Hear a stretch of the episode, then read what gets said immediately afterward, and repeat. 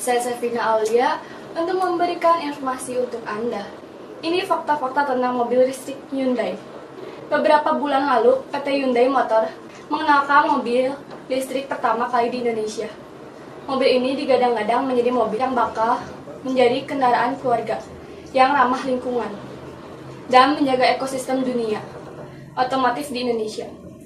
Grab resmi berkolaborasi dengan PT Hyundai Motor kerjasama dua perusahaan tersebut menjadikan Hyundai Ioniq untuk operasionalkan sebagai layanan mobilitas kendaraan listrik.